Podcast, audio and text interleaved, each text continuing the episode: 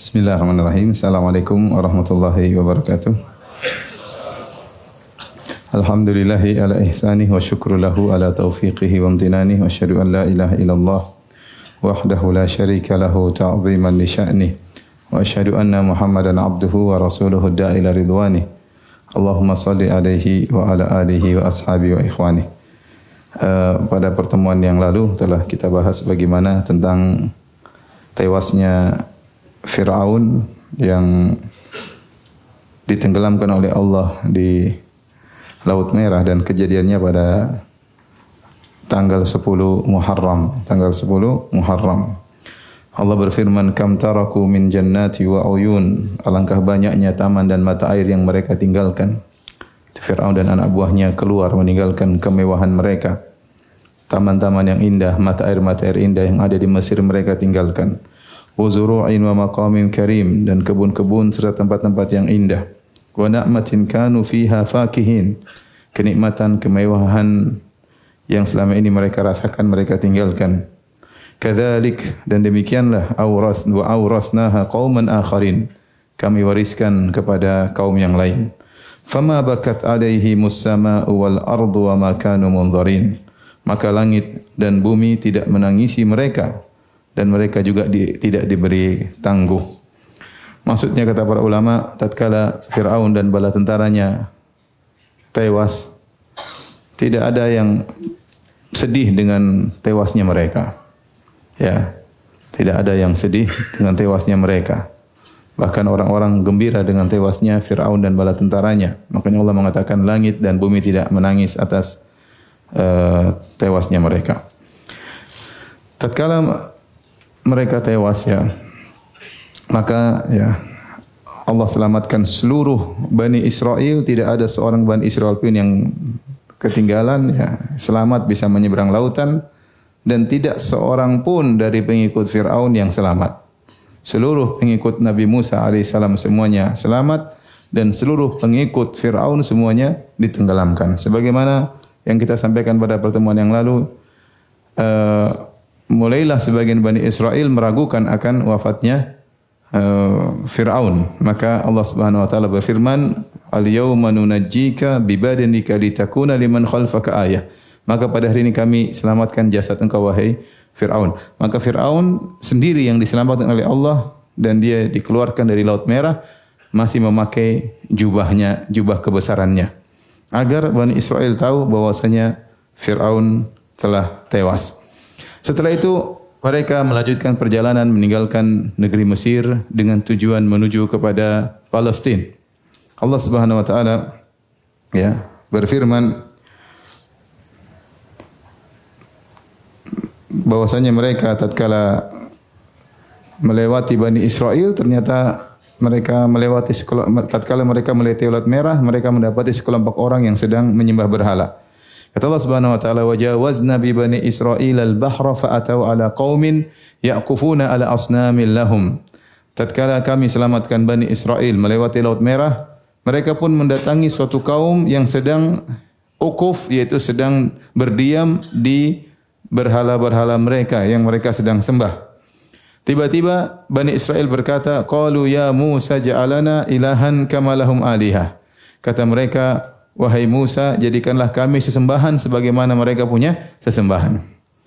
Jadi pada kesempatan kali ini saya akan menyebut bagaimana ya akhlak Bani Israel yang kurang ajar sama Nabi Musa alaihi salam ya.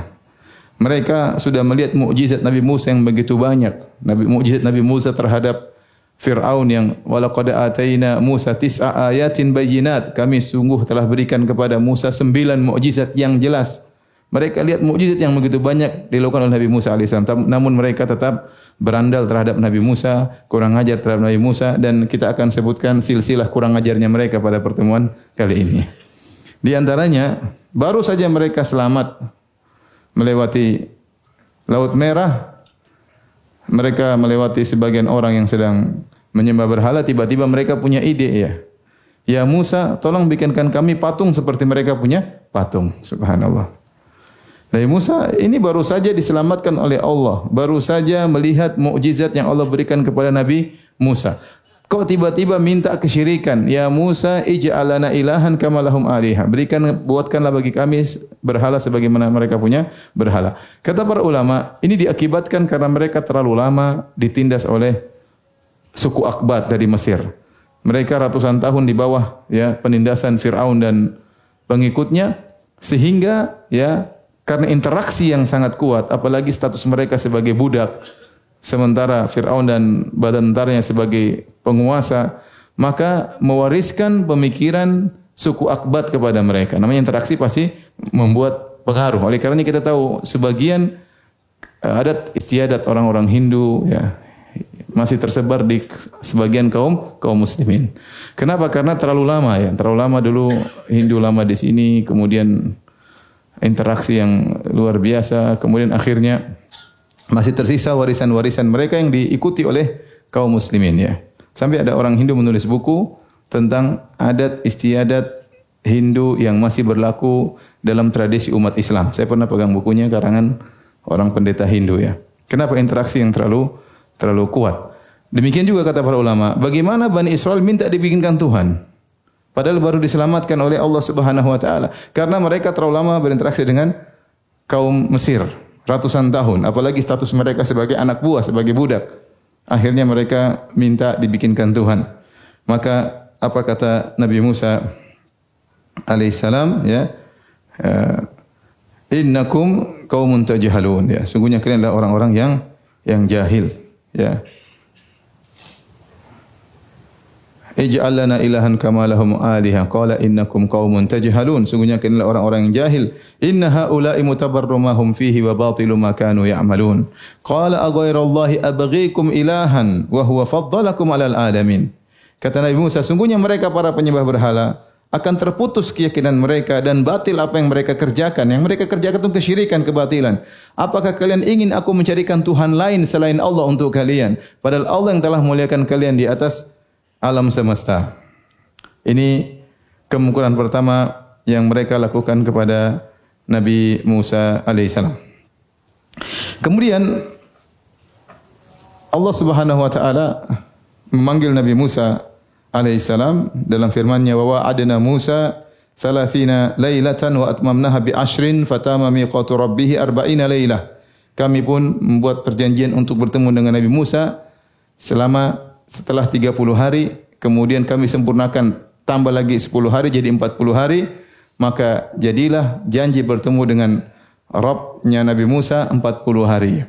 Maka Allah menyuruh Nabi Musa datang untuk menemui Allah Subhanahu wa taala di Bukit Tursina. Maka Nabi Musa alaihissalam puasa selama 30 hari. Puasa selama 30 hari.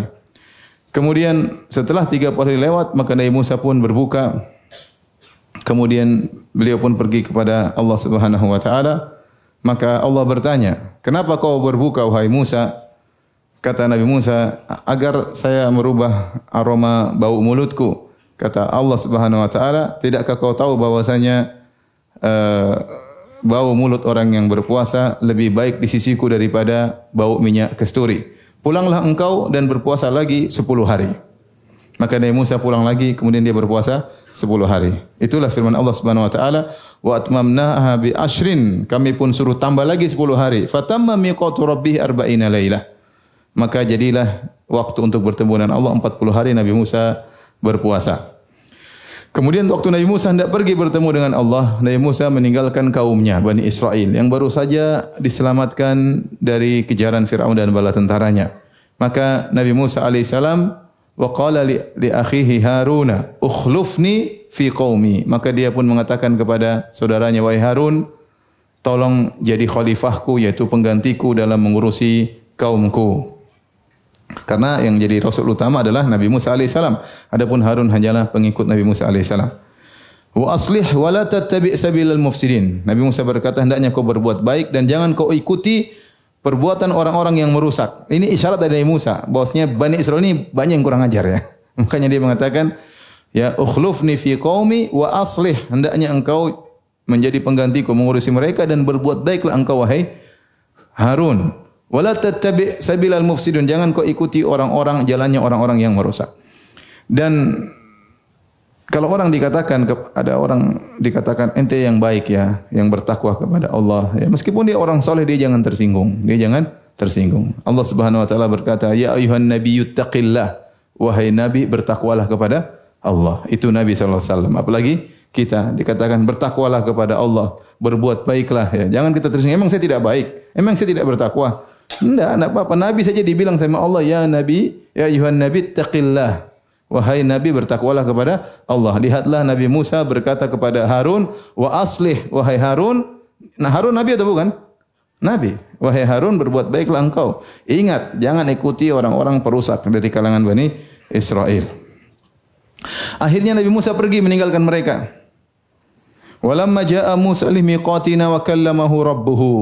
Maka Nabi Musa pun pergi bertemu dengan Allah Subhanahu wa taala, terjadi pembicaraan dengan Allah. Makanya Nabi Musa disebut dengan kalimullah, yaitu yang Allah berbicara langsung dengan Nabi Nabi Musa. Yang Allah berfirman wa kallamahu wa kallamallahu Musa taklima. Sungguh Allah telah berbicara dengan Nabi Musa dengan sebenar-benar pembicaraan. Di situlah disebutkan oleh ahlul kitab bahwasanya Allah memberikan kepada Nabi Musa 10 perintah Tuhan ya. The Ten Commandments ya katanya. Ya. Diberi sepuluh perintah Tuhan yaitu dilarang mencuri, dilarang berzina, dilarang uh, mencintai istri temanmu, dilarang macam-macam ya. Aturan-aturan ada sepuluh aturan yang itu mirip-mirip juga ada dalam Al-Qur'an Al-Karim. Intinya waktu Nabi Musa berbicara dengan Allah, kata para ulama, Nabi Musa rindu ingin melihat Allah Subhanahu wa taala, mendengar berbicara dengan Tuhan. Bagaimana Allah memberi perhatian luar biasa kepada Nabi Musa alaihissalam, bagaimana Allah telah menolongnya semenjak kecil, bagaimana Allah menyelamatkannya dari kejaran Firaun, bagaimana Allah memberikan dia mukjizat yang begitu banyak. Sekarang saatnya ngomong langsung dengan siapa? Allah Subhanahu wa taala. Tiba-tiba Nabi Musa rindu ingin melihat Allah. Nabi Musa berkata, "Rabbi arini anzur ilaik." Ya Allah, tunjukkanlah dirimu, aku ingin melihat apa? Melihat engkau. Saking rindunya ingin bertemu dengan Allah. Apa jawaban Allah Subhanahu wa taala?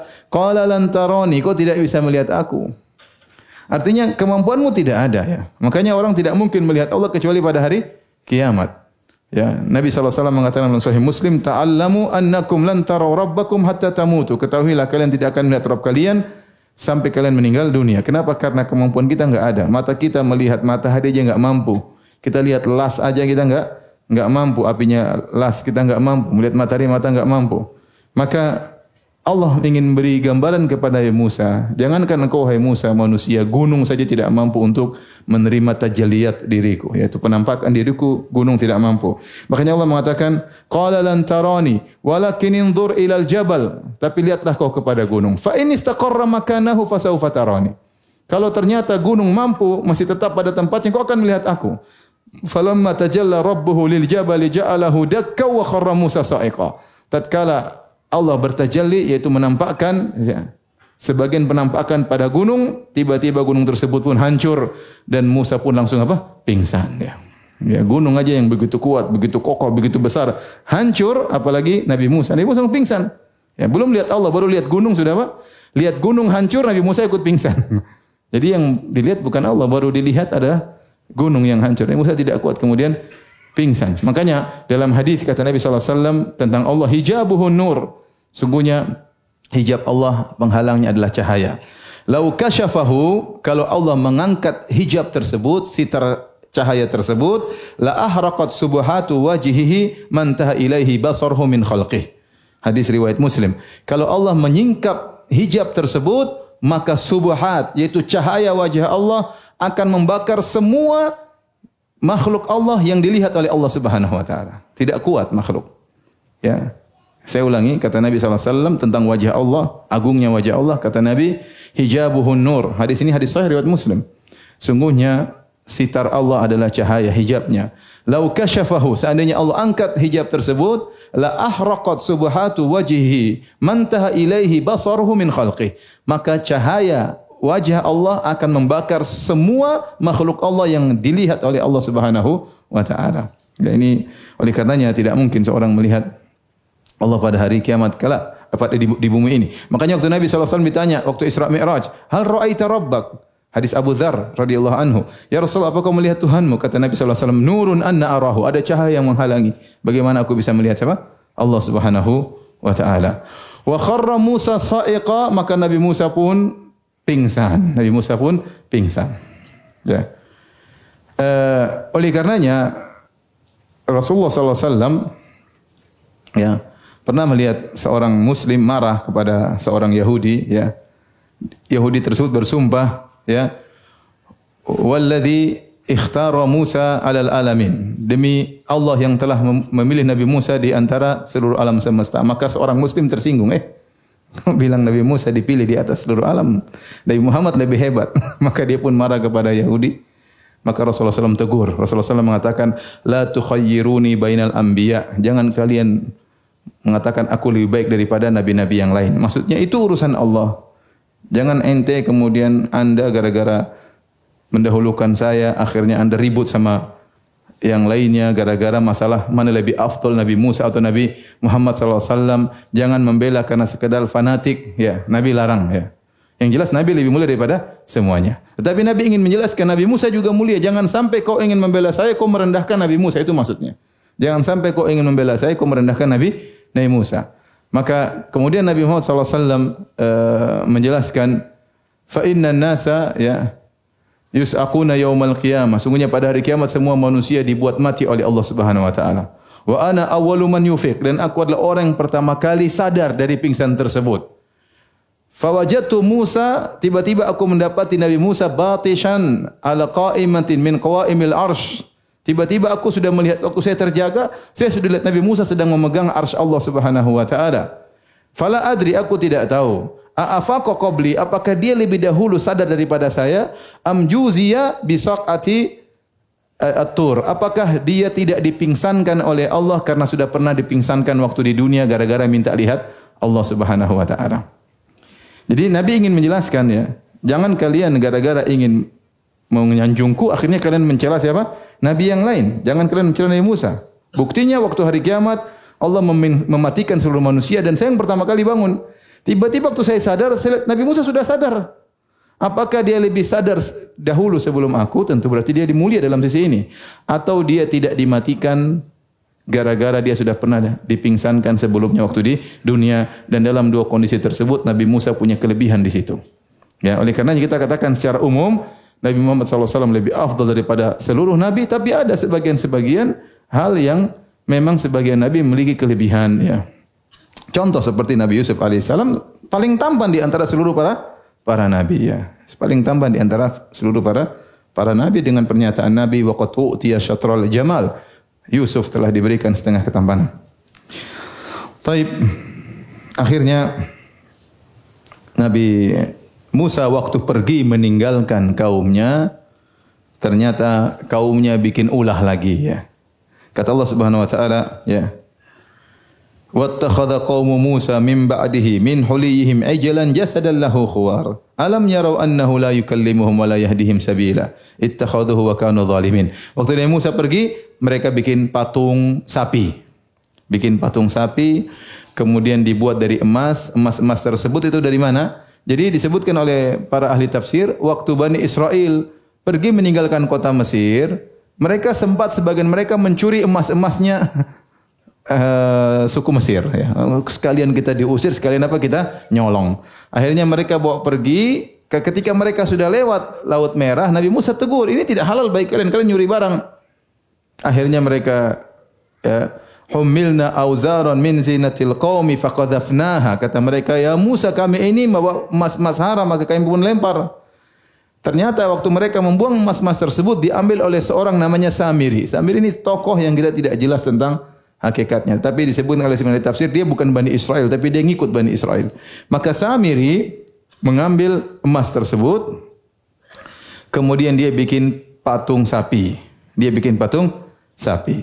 Kemudian patung sapi tersebut ternyata setelah dibuat patung ada suara keluar dari patung sapi tersebut, suara yang tidak jelas. Bukan suara berbicara, tapi ada suara bunyi. Apakah ada angin masuk dari duburnya, kemudian keluar ke mulutnya. Intinya ada suatu suara yang yang aneh. Dan mereka dan dia berkata hadza ilahukum wa ilahu Musa fanasi. Ini patung sapi Tuhannya kalian dan Tuhannya Musa. Cuma Musa lupa. Dia pergi jauh-jauh cari Tuhannya Tuhannya di sini. Tuhannya siapa? Sapi afala yarawna alla yarju ilaihim qaula wala yamliku lahum dharran wala naf'a. Tidakkah mereka tahu bahwasanya ini ini sapi tidak bisa ngomong sama mereka kalau mereka aja ngomong sapi enggak bisa jawab bagaimana dianggap Tuhan. Dan sapi ini tidak bisa beri mudarat, tidak bisa beri manfaat. Tetapi ada keajaiban sapi tersebut, ada suara yang keluar. Itu yang membuat mereka menyangka ini apa? Tuhan. Dan ini suatu hal yang aneh bagaimana mereka menyembah yang lebih hina daripada mereka. Taruhlah ini sapi, ini kan sapi ya. Gimana Anda manusia nyembah apa? Sapi. Tetapi kalau saya katakan kita sudah bicara tentang akidah, terkadang otak seorang tertutup dan kita lihat sekarang di alam nyata betapa banyak orang nyembah sesuatu yang lebih rendah di bawahnya. Orang nyembah sapi ya. Orang nyembah pohon, orang nyembah patung, orang nyembah mayat ya. Dia masih bisa bergerak, mayat nggak bisa apa dia sembah. Ini tidak lain karena otak mereka sudah dimasukin oleh iblis. Kalau kita mau berpikir sehat, gimana ente nyembah mayat? Tapi orang lakukan. Gimana entah nyembah sapi? Mungkin jutaan orang, mungkin miliaran orang nyembah apa? Sapi. Dianggap sapi adalah Tuhan. Ya. Tapi gimana akal sehat menyembah patung? Kita bilang miliaran orang menyembah apa?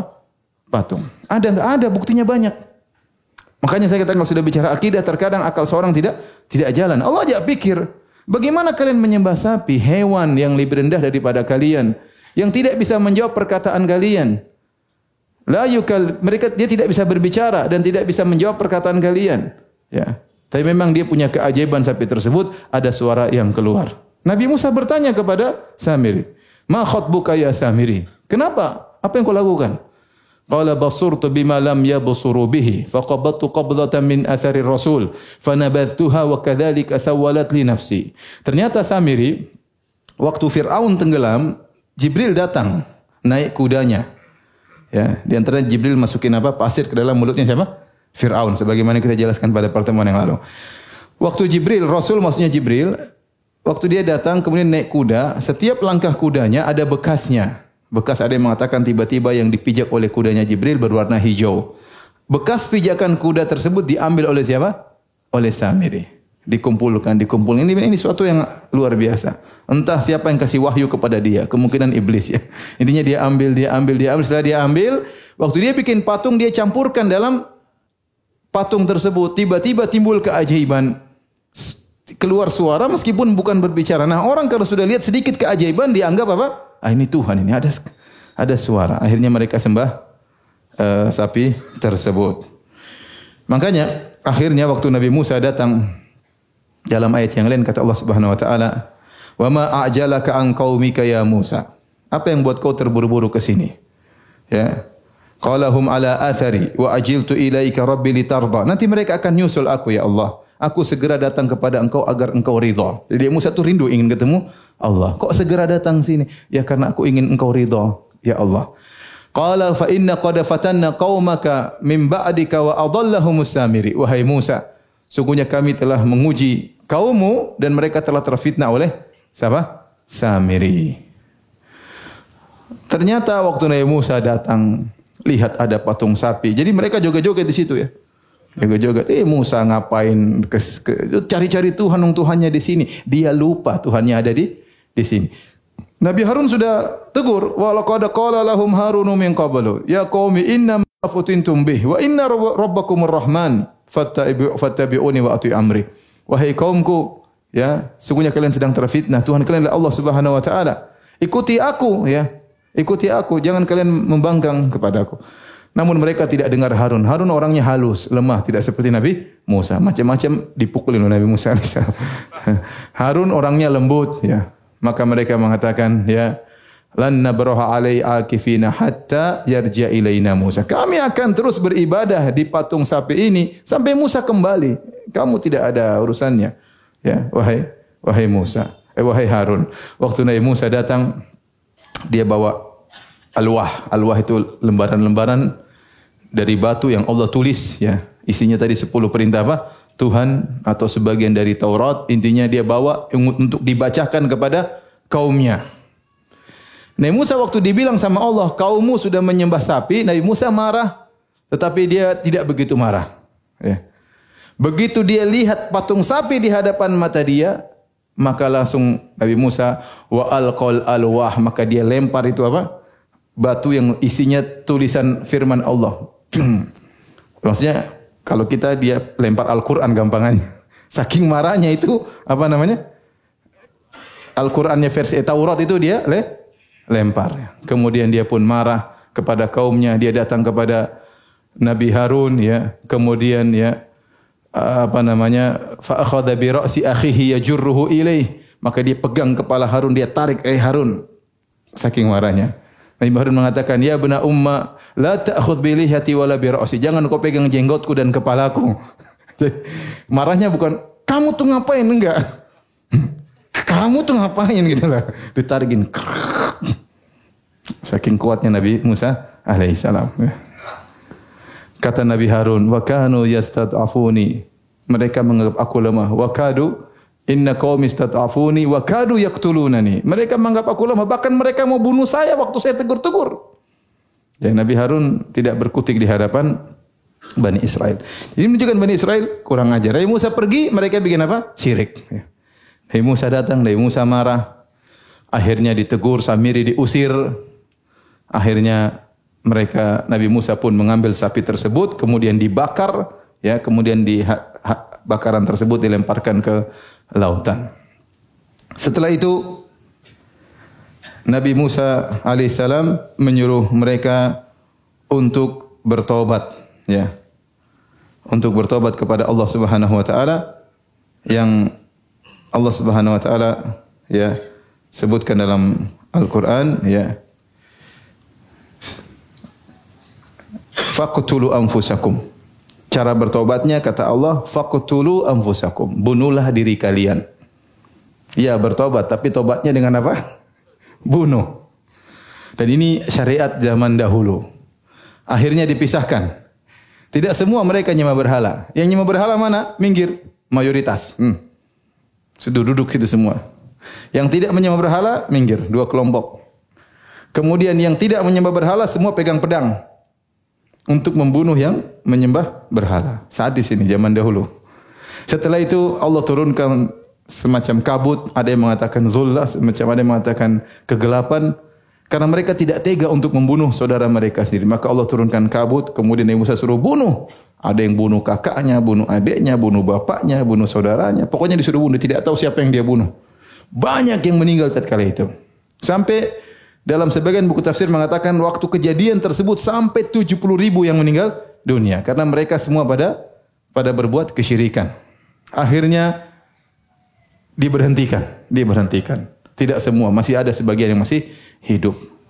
Setelah itu Nabi Musa ingin bertobat lagi kepada Allah Subhanahu wa taala, maka beliau memilih sekitar 70 orang ya waqtara Musa qaumahu sab'ina rajulan limiqatina. Allah Subhanahu wa taala menyebutkan maka Nabi Musa pun membawa 70 orang dari ribuan Bani Israel, orang-orang yang sangat soleh untuk mewakili kaum mereka untuk minta ampun kepada Allah Subhanahu wa taala. Berjalan Nabi Musa bersama Harun bersama 70 orang tersebut menuju ke Bukit Tursina untuk minta ampun kepada Allah Subhanahu wa taala akibat perbuatan kaum mereka. Waktu Nabi Musa berbicara dengan Allah Subhanahu wa taala disebutkan mereka mendengar ada pembicaraan dia. Kemudian mereka berkata, "Wahai Musa, ya, lan nu'mina laka hatta narallaha jahrah." Ini 70 orang, orang-orang paling solid di Bani Israel.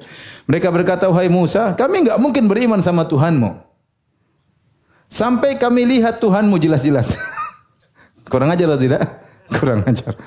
Ini yang paling solid di antara mereka. Nabi Musa ngomong mereka enggak percaya mana Tuhanmu dulu, baru kita percaya. Fa akhadhathumus sa'iqatu, tiba-tiba Allah turunkan halilintar, tewaslah mereka. Kurang ajar mereka. Kemudian setelah mereka tewas, Nabi Musa minta ampun kepada Allah. Summa ba'atsnakum min ba'di mautikum, Allah bangkitkan lagi mereka. Ya dalam surat Al-Baqarah Allah menyebutkan beberapa kejadian mati Allah hidupkan, mati Allah sampai lima kali kejadian. Ini kejadian pertama. ya. Jadi akhirnya mereka bertobat kepada Allah Subhanahu wa taala ya. Kemudian mereka pun pulang ke negeri mereka ya. Disebutkan Nabi Musa juga kemudian menerima Taurat. Nabi Musa sampaikan kepada kaumnya. Wahai kaumku, sungguhnya inilah Taurat yang Allah turunkan kepadaku maka jalankan Taurat tersebut. Apa kata Bani Israel? Wahai Musa, lihat dulu. Peraturannya berat atau tidak? Kalau berat kita tinggalkan, kalau mudah kita jalankan. Masya Allah. Saya tidak tahu ini Bani Israel yang kurang ajar luar biasa. Jadi mereka masih nawar. Dari Musa mengatakan ini. Ini dari Allah. Saya sudah jauh-jauh datang dari Allah. Mereka masih nawar lagi. Lihat dulu apa dulu isinya. Kalau bisa kita lalu kita kerjakan, kalau enggak enggak. Jadi mereka protes. Ya kalau yang soleh saja tadi mengatakan tidak beriman kecuali Allah langsung dikasih kirim apa? Halilintar apalagi yang bahlul-bahlulnya ya. Intinya akhirnya kata Allah wa idna taqanal jabala fawqahum karena mereka tidak mau menjalankan Taurat Allah angkat gunung itu. Tung, gunung di atas. Ente enggak mau jalan kan giar gunung. Hanya mereka ketakutan lihat gunung, ya udah kita taat. Jadi subhanallah mereka melihat mukjizat yang begitu banyak. Bayangkan tiba-tiba mereka enggak patuh datang apa? gunung. Siap mereka enggak jalanin, dia jatuh ditimpa gunung. Akhirnya Nabi Musa menyuruh mereka, mereka bilang, ya Musa kita rindu ingin ke Palestina. Ayo jalan ke Palestina. Ya sudah kampung halaman kita. Ya kampung nenek moyang kita Nabi Yakub alaihissalam dulu di mana di Palestina. Maka berangkatlah Nabi Musa alaihissalam membawa Bani Israel pergi ke negeri Palestina. Allah sebutkan dalam Al-Quran, Uzkuru ni'matallahi alaikum idh ja'ala fikum anbiya'a wa ja'alakum muluka. Allah mengatakan, wahai Bani Israel, ingatlah nikmat yang Allah berikan kepada kalian. Tatkala jadikan kalian banyak di antara kalian nabi-nabi, nabi ini, nabi anu, semua dari Bani Israel. Wa ja'alakum muluka dan kami jadikan kalian tadinya diperbudak oleh Bani Israel, sekarang tidak. Kalian sudah punya rumah sendiri, kalian punya pembantu, mungkin kalian punya tidak diperbudak lagi oleh uh, oleh apa? suku Firaun, suku Akbat ya. Wa atakum malam yu'ti ahada minal alamin dan Allah telah berikan kepada kalian kenikmatan yang Allah tidak berikan kepada umat-umat yang lain ya. Di mana kenabian di kalian, kalian orang-orang cerdas, kalian pokoknya banyak kenikmatan yang Allah berikan kepada kalian. Setelah Allah sebutkan nikmat-nikmat, Allah perintahkan, "Ya qaumi Udkhulul ardal muqaddasata allati kataballahu lakum. Masuklah kalian kepada tanah suci yang telah Allah catat untuk kalian. Wala tartaddu ala adabarikum fatanqalibu khasirin. Dan janganlah kalian mundur ya. Maka kalian akan balik dalam kondisi merugi. Jadi mereka disuruh jihad oleh Allah Subhanahu wa taala. Begitu mereka masuk kota Palestina, ternyata ada orang-orang zalim di situ. Qalu ya Musa inna fiha qauman jabbarin. Wahai Musa, di situ ada orang-orang yang yang zalim, ya. Wa inna lan nadkhulaha hatta yakhruju minha. Fa yakhruju minha fa inna dakhilun. Kata mereka enggak Musa. Kalian disuruh jihad? Enggak wahai Musa. Itu orang-orang zalim situ. Sampai mereka keluar dulu baru kita masuk loh. Kita ini disuruh ngeluarin mereka. Enggak, mereka keluar dulu baru kita masuk. Subhanallah. Sampai kemudian ada yang menasihati mereka. Disebut Yusha bin Nun dan Kalib bin Yufanna. Dua orang soleh. Qala rajulani minal ladzina an minal ladzina yakhafuna an amallahu alaihim udkhulu alaihimul alaikumul bab. Udkhulu alaihimul alaikumul bab fa idza dakhaltumuhu fa innakum ghalibun. Kata mereka ya. Udkhulu alaihimul bab, dua orang saleh mengatakan masuklah kalian perangi mereka ya. Fa idza dakhaltumuhu kalau kalian masuk pintu tersebut fa innakum ghalibun kalian pasti menang. Ini orang-orang zalim namun tidak kalah zalim daripada Firaun. Firaun lebih hebat daripada mereka ini. Bala tentaranya lebih banyak, Firaun lebih jago tapi Allah selamatkan kita, Allah menangkan kita. Ini mereka kecil. Kenapa kalian tidak masuk? Apa jawab mereka? Ya Musa, inna lan nadkhulaha abadan ma fiha. Mereka ngeyel, wahai Musa, selama-lamanya kami tidak akan masuk. ya. Selama mereka masih di situ, kami tidak bakalan masuk. Terus perkataan mereka yang kurang ajar, kata mereka, "Fadhhab anta wa rabbuka faqatila innaha huna qaidun." Kalau gitu Musa, kau saja sama Tuhanmu sana perang. Kita nunggu di sini hasilnya. Yang menakjubkan mereka mengatakan, "Pergilah engkau dan Tuhanmu, bukan Tuhan kita." Fadhhab anta wa rabbuka. Pergilah engkau dan Tuhanmu. Ini kan Tuhan kita bareng-bareng. Ini Nabi kurang ajar sama Nabi Musa alaihissalam. Saat itu Nabi Musa ini memang kaum brengsek. Adapun kisah dalam buku tafsir bahwasanya ternyata ada orang raksasa-raksasa di situ ya yang tinggal di Palestina Ya, kemudian sebagian kaum Nabi Musa jalan masuk ditangkap sama raksasa, ditangkap sembilan orang, dimasukkan kantongnya. Ya. Kemudian dibawa ke bosnya di sini. Siapa ini kecil-kecil ini? Oh ini kaum Nabi Musa. Itu semua khurafat ya. Semua khurafat. Disebutkan di antara raksasa-raksasa tersebut namanya Ouj Ouj bin Nuk. Ouj bin Nuk adalah seorang yang tingginya 3300 hasta ya 333 sepertiga hasta ya. 3333 sepertiga apa? Hasta. Itu kira-kira 2 km tingginya. Kira-kira berapa? 2 km ya. Kalau dia lagi mau makan, dia masukkan tangannya ke lautan ambil ikan, dia bakar di matahari. Hmm. Ya, itu dongeng semua kata Ibnu Katsir ini enggak benar Israelia tidak ada dalilnya. Kalau ternyata yang di Palestina memang besar-besar itu ya pantaslah Bani Israel ketakutan. Gimana ngelawan raksasa kayak gitu. Sebutkan akhirnya Nabi Musa ngelawan Uj bin Nuk itu yang jagoan mereka karena Nabi Musa aja tingginya enggak sampai ke mata kakinya. Nabi Musa punya tongkat panjang Nabi Musa bisa loncat 5 meter, kemudian tongkatnya 5 meter bisa sampai ke mata kakinya. Maka waktu Nabi Musa bunuh diri bisa lempar, cat, ting, mati dia ya. Sesuai dengan ukuran, loncat 5 meter, tongkat 5 meter, kena karena mata kakinya apa? Tinggi ya. Itu semua khurafat. Yang benar mereka orang biasa. Makanya disuruh untuk apa? Berjihad. Kalau mereka tidak mau berjihad, mereka akhirnya mundur. Dan tidak mungkin Nabi Musa maju sendiri. Tidak mungkin Nabi Musa masuk. Nabi Musa maju dengan Harun dengan uh, Yusha bin Nun dan Kalib bin Yohanna cuma empat orang lawan mereka begitu banyak. Akhirnya tidak jadi berjihad. Tatkala itu Nabi Musa berkata, "Qala rabbi inni la amliku illa nafsi wa akhi." Ya Rabbku aku tidak bisa menguasai kecuali diriku dan saudaraku. Fafruk bainana wa bainal qaumil fasiqin. Berilah hukuman keputusan antara kami dengan orang-orang fasik ini. Nabi Musa menamakan kaumnya orang apa? Orang fasik. Allah berkata, "Qala fa innaha muharramatun alaihim." Sungguhnya Palestina jadi haram bagi mereka. Arba'ina sanatan yatihuna fil ard. Selama 40 tahun mereka akan tersesat di atas muka bumi. Maka waktu mereka pulang meninggalkan Palestina, mereka dibuat tersesat oleh Allah Subhanahu wa taala. Mau ke mana enggak bisa, balik lagi ke situ. Mau ke sana, ke utara, balik lagi ke situ. Mau ke selatan, balik lagi. Mereka tinggal di suatu padang yang mereka kemudian beranak pinak di situ selama 40 tahun dan mereka tidak bisa keluar dari situ. Ke mana pun mereka pergi, kondisinya selalu kembali kepada tempat yang yang sama. Disebut dengan masa tih, yaitu masa mereka disesatkan oleh Allah Subhanahu wa taala. Allah berkehendak bisa. Mau pakai kompas, mau pakai mata angin, tetap aja kembali lagi ke tempat yang yang sama. Allah bikin mereka tersesat. Nah, di dalam masa-masa mereka tersesat tersebut terjadi banyak kejadian, ya. Di antaranya ya mereka mengeluh kepada Nabi Musa, ya. Ya Musa, ini padang pasir panas banget, ya. Mintalah kepada Tuhanmu agar menaungi kita, maka Allah kirim apa? Ya, gomama, ya anzalna alaikumul ghamama ya. Allah turunkan apa? Awan. Jadi mereka ke mana-mana adem luar biasa. ini ini mukjizat bukan? Mukjizat. Bayangkan mereka ke mana-mana ada awan datang. Uh, semua panas mereka adem. Allah ingatkan, kami berikan kalian nikmat begitu banyak, kami turunkan awan. Sementara orang semua kepanasan. Kemudian setelah itu mereka bilang, wahai Musa, kami lapar.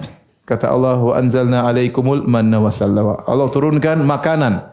Al manna wa. Ada yang mengatakan makan dari surga, ada yang makan dari langit. Intinya makanan tersebut turun. Manna wa salwa.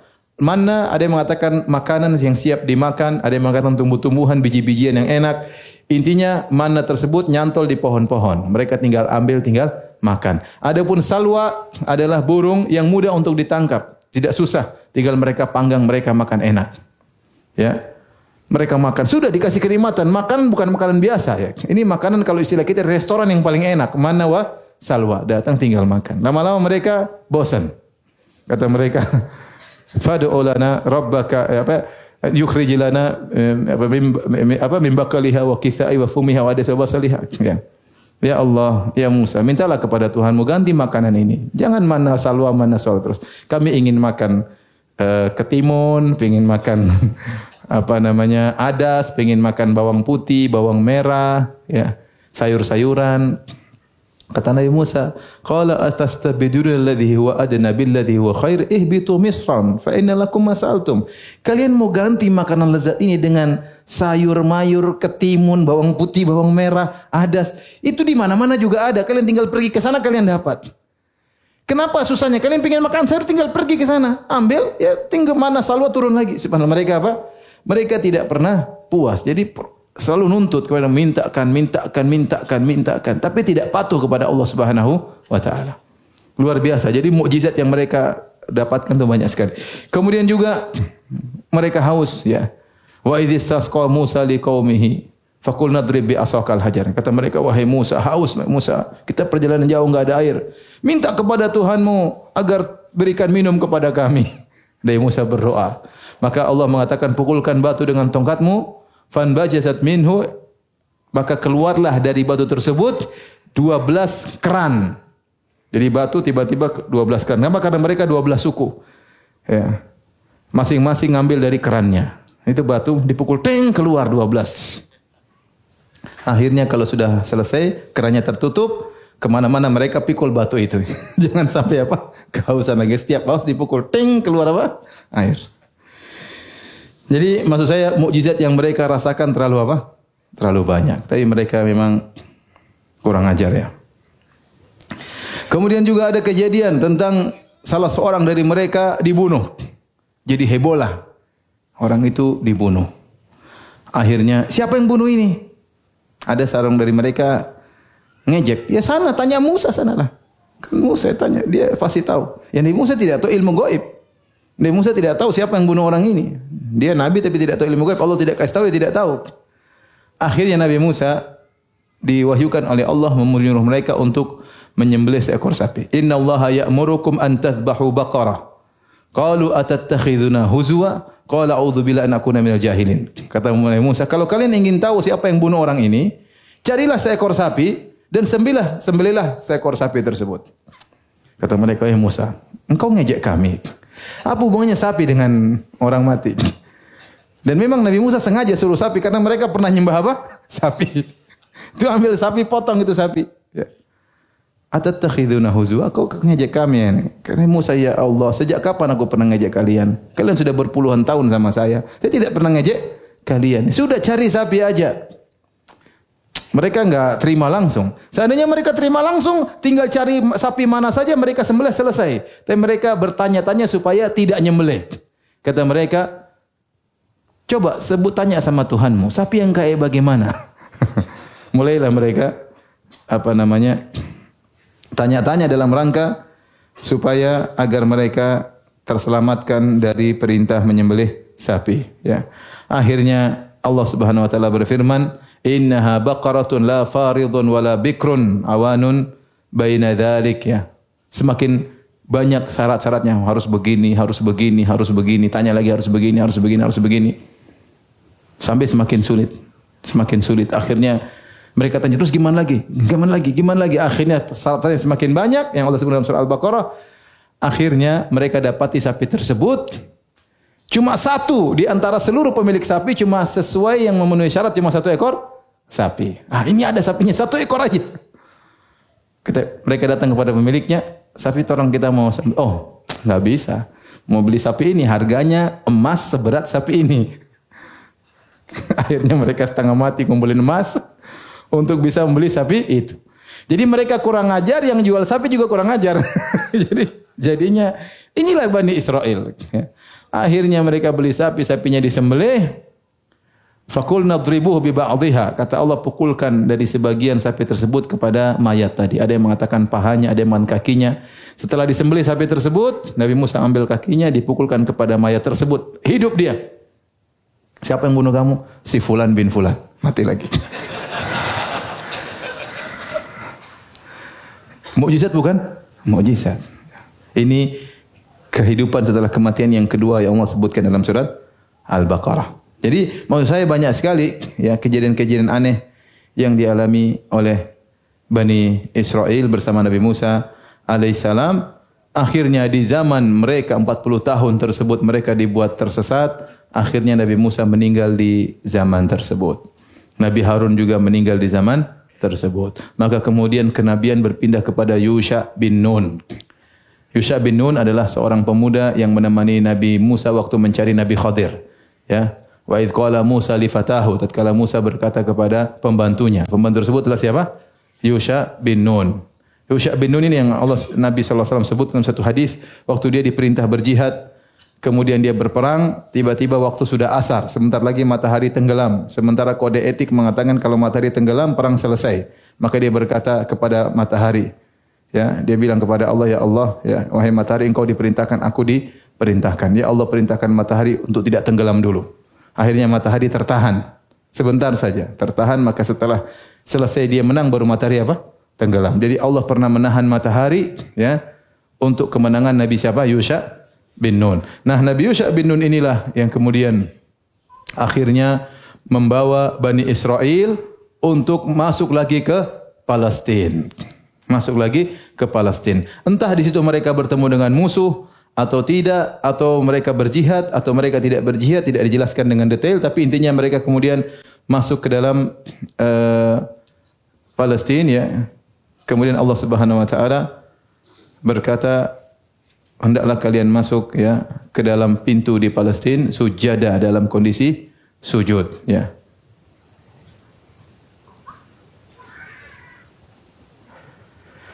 Tapi waktu mereka disuruh sujud untuk masuk di maksudnya sujud masih dalam kondisi ruku.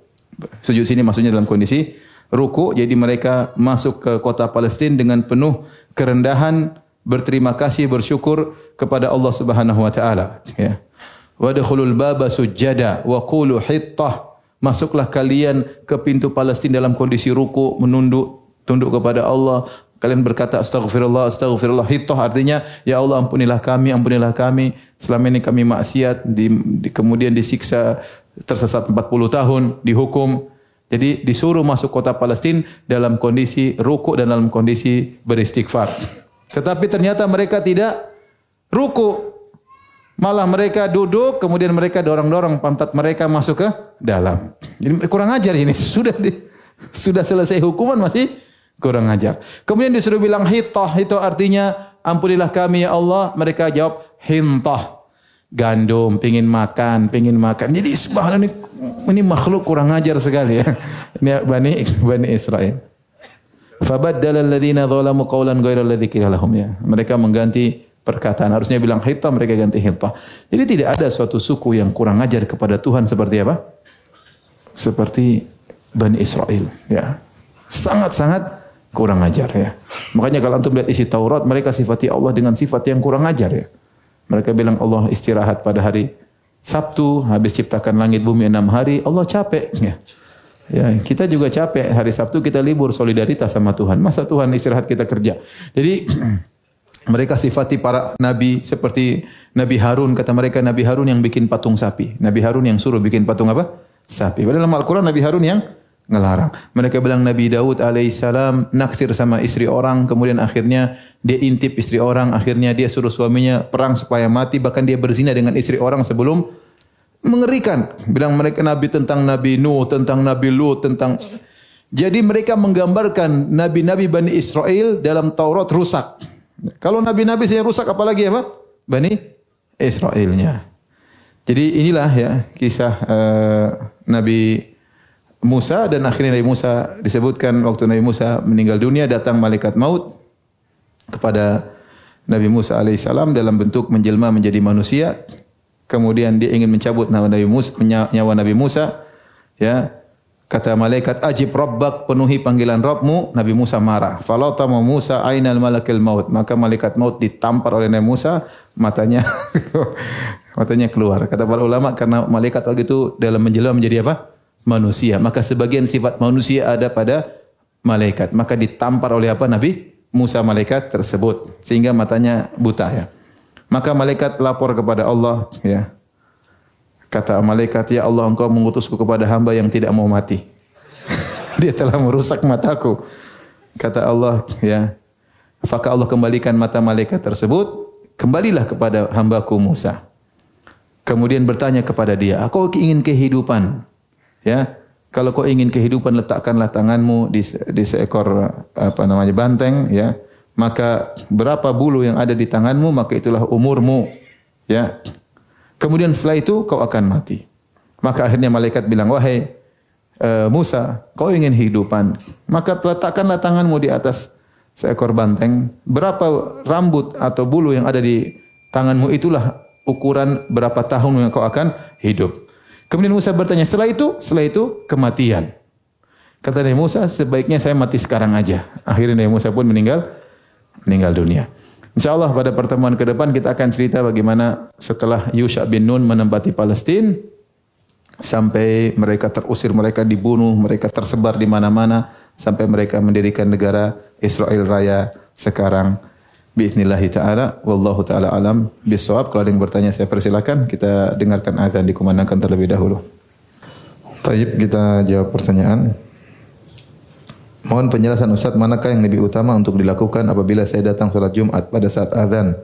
Bolehkah langsung sholat sunnah atau berdiri dulu menunggu azan lalu sholat sunnah pada saat khutbah? Kedua, pada saat khutbah langsung duduk atau sholat sunnah terlebih dahulu? Jawabannya kalau kita masuk masjid sementara dikumandangkan azan uh, kedua, yaitu azan sebelum khatib berkhutbah, maka sunnahnya kita langsung sholat sunnah. Ya. Tidak menunggu azan selesai. Kenapa? Karena menjawab azan hukumnya sunnah, sementara mendengar khutbah hukumnya apa? Wajib. Kalau kita menunggu azan selesai, maka kita akan salat sunnah tatkala khutib sedang berkhutbah. Dan itu kita akhirnya meninggalkan sebagian kewajiban. Tetapi kalau kita tatkala di azan azan dikumandangkan kita salat sunnah, berarti kita hanya meninggalkan sunnah menjawab apa? azan. Jadi kesalahan banyak dilakukan oleh orang kalau sudah azan mereka berdiri dulu, jawabin azan selesai baru mereka apa? Salat. Harusnya enggak, harusnya langsung salat saja. Ya, sehingga tatkala khatib berkhutbah mereka sudah bisa dengar dari awal. Kondisi kedua, kalau dia datang khatib sudah berkhutbah, maka tetap dianjurkan salat sunnah tetapi yang ringan ya.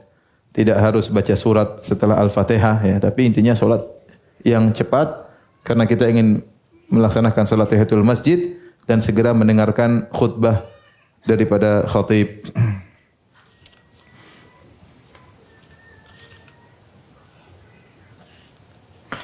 Ustaz, apakah di zaman sekarang kita boleh menghajar, memboikot seperti Rasulullah SAW memboikot sahabat, sahabat Ka'ab bin Malik? E, masalah memboikot pelaku maksiat atau memboikot pelaku bid'ah, maka ini berkaitan dengan kata Ibn Taimiyah rahimahullah dalam Mujib Fatawa jilid 28, adalah berkaitan dengan amar ma'ruf nahi mungkar dan kita tahu namanya kaidah dalam beramar ma'ruf nahi mungkar adalah dibangun di atas maslahat. Jika penerapan amar ma'ruf nahi mungkar mendatangkan kemaslahatan maka lakukanlah. Jika ternyata mendatangkan mudarat yang lebih maka tidak perlu di, dilakukan. Nah, di zaman Nabi waktu Ka'ab bin Malik radhiyallahu anhu tidak ikut perang, berarti Ka'ab bin Malik melakukan bid'ah atau melakukan maksiat?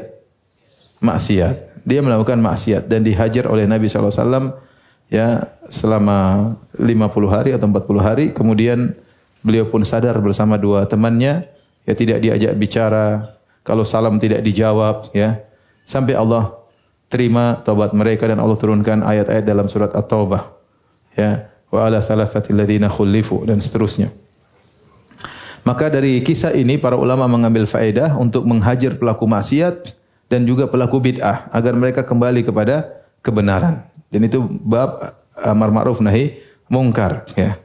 Maka kalau itu ada maslahatnya, maka lakukanlah. Contoh seperti kita di rumah, misalnya ada anak kita yang satu nakal atau bagaimana kita boykot ya.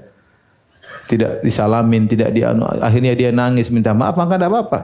Lakukan. Sama seperti seorang suami memboikot apa? Istrinya dengan harapan dia minta maaf merasa tersiksa tatkala tidak didekati oleh suaminya, maka lakukan. Ya, sama kalau ada orang melakukan bid'ah, kita boikot, kemudian dia sadar gara-gara kita boikot, maka silakan lakukan. Pelaku maksiat kalau kita boikot, dia sadar lakukan. Kalau pelaku bid'ah kita boikot, sadar maka lakukan. Tapi kenyataannya sekarang di zaman ini tidak segampang itu. Kalau ada orang pelaku maksiat, kita boikot, tidak kita ajak ngomong, dia malah senang, dia pergi ke teman-teman tukang maksiat yang lainnya. Saya ketemu itu orang jenggotan tidak dijawab salam saya. Mending saya ketemu teman-teman tukang mabuk ya. Akhirnya dia malah semakin jauh. Ya. Sama sekarang kalau kita misalnya ada orang melakukan bid'ah, kita sikapi, malah kita yang disikapi oleh masyarakat. Malah kita yang dijauhi, malah kita yang susah. Sama sekarang ada istri yang misalnya uh, tidak taat kita boykot, kita yang sengsara. iya, kita yang sengsara. Dia santai-santai saja, kita yang sengsara. Beda kalau seorang istrinya empat, kalau satu diboykot, pasti istrinya sadar. Tapi kalau istri cuma satu, ya udah. Ya, kita boykot dia, emang gue pikirin katanya. Kita yang menderita ya. Oleh karenanya saya sering ditanya, Ustaz, saya boykot istri saya tidak berempat. Itu banyak terjadi. Ya. Maka cara untuk menanggulangi permasalahan tersebut bukan dengan memboikot. Tapi intinya itu adalah masalah eh, ijtihadiyah, dilihat kondisi. Selama pemboikotan tersebut bermanfaat, lakukan. Kalau tidak, maka tidak perlu di, dilakukan. Tidak perlu dilakukan.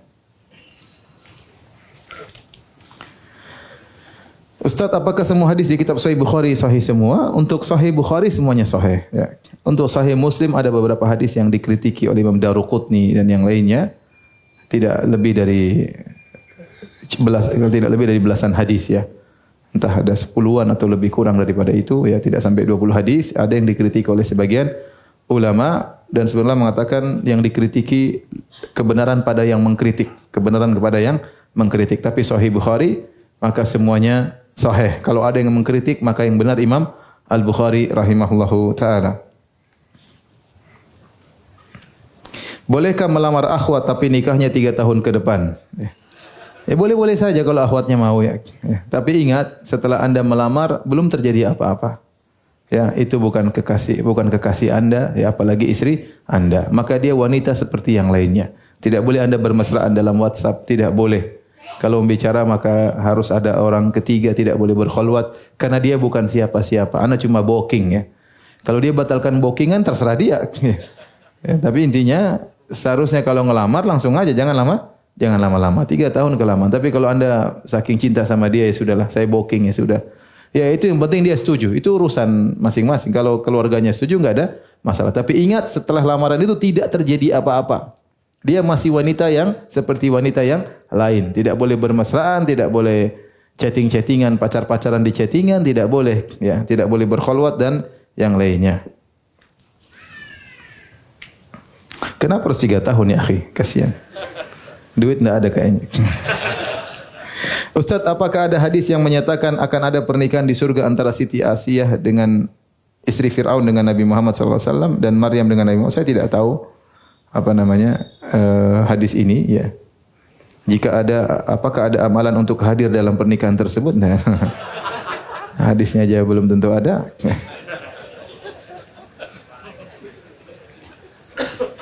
Ustaz, betulkah jika kita beramal secara tersembunyi bisa meredam kemurkaan Allah? Uh, kata Nabi SAW, Sadaqatu sir tutfi'i ghadabar Rabb. Sedekah yang dilakukan diam-diam meredamkan kemurkaan Allah Subhanahu wa taala. Maka kebiasaan salaf dahulu mereka bersedekah diam-diam tidak ingin ada seorang pun yang yang tahu ya. Bagaimana jika punya pasangan hidup yang selalu kepo dengan penghasilan suami hingga susah untuk beramal dengan cara sembunyi-sembunyi. Apalagi punya sifat nam namam, suka mengadu domba. Mohon nasihatnya. Nasihat saya nasihati itu istri ya. Nasihat istri nggak boleh ya ya, apa namanya? Eh, nggak uh, boleh namam ya. Kepo ada batasannya tidak boleh semua harus dikepoin ya. Ya. Intinya istri mau tahu mau tahu tetap saja antum bersedekah ya. Emang kalau ketahuan emang dilarang sedekah ya. Kalau antum ketahuan punya duit dilarang sedekah berarti ente memang tidak pantas jadi suami ya. Anda berarti lemah. Padahal kata Allah Subhanahu wa taala ar-rijalu qawwamuna 'alan nisa. Lelaki itu pemimpin di pada wanita. Kata Ibnu Katsir umara, yaitu apa? Raja bagi wanita. Nah, kalau Anda punya uang, Anda tidak bisa bersedekah sama ibu Anda karena ketahuan jumlahnya sekian. Kalau kurang diomelin istri, Anda tidak pantas jadi suami. Mau nikah sama siapa saja Anda memang tidak pantas jadi suami. Maka Anda harus tegas, harus tegar hadapi istri. Nah, tidak boleh seperti ini. Ya. Kamu tahu uang saya, ini saya punya hak untuk bersedekah kepada istri, bersedekah kepada yatim kecuali kalau kamu kurus baru kamu protes sama saya. Oh, kamu masih gemuk, masih nyaman. Apa yang kekurangan apa yang saya berikan sama kamu? Ya. ya kalau istri udah kurus, sakit-sakitan ya. Kemudian nggak dikasih makan ya memang dia nanti sedekah nanti kurang ajar namanya. istri dahulu, didahulukan. Tapi kalau istri alam nyaman, gemuk, bahkan berusaha diet dan yang lainnya. Terus ya sudah ente sedekah aja, ngapain uh, dengar uh, seperti itu. Teorinya begitu. Intinya lembut, lembut ya. Lembut tapi jangan mengalah. Kalau sudah urusan apa? Sedekah jangan mengalah apalagi silaturahmi kepada keluarga. Tapi demikian saja kurang lebih saya maaf. Subhanakallah bihamdik asyhadu an. Assalamualaikum warahmatullahi wabarakatuh.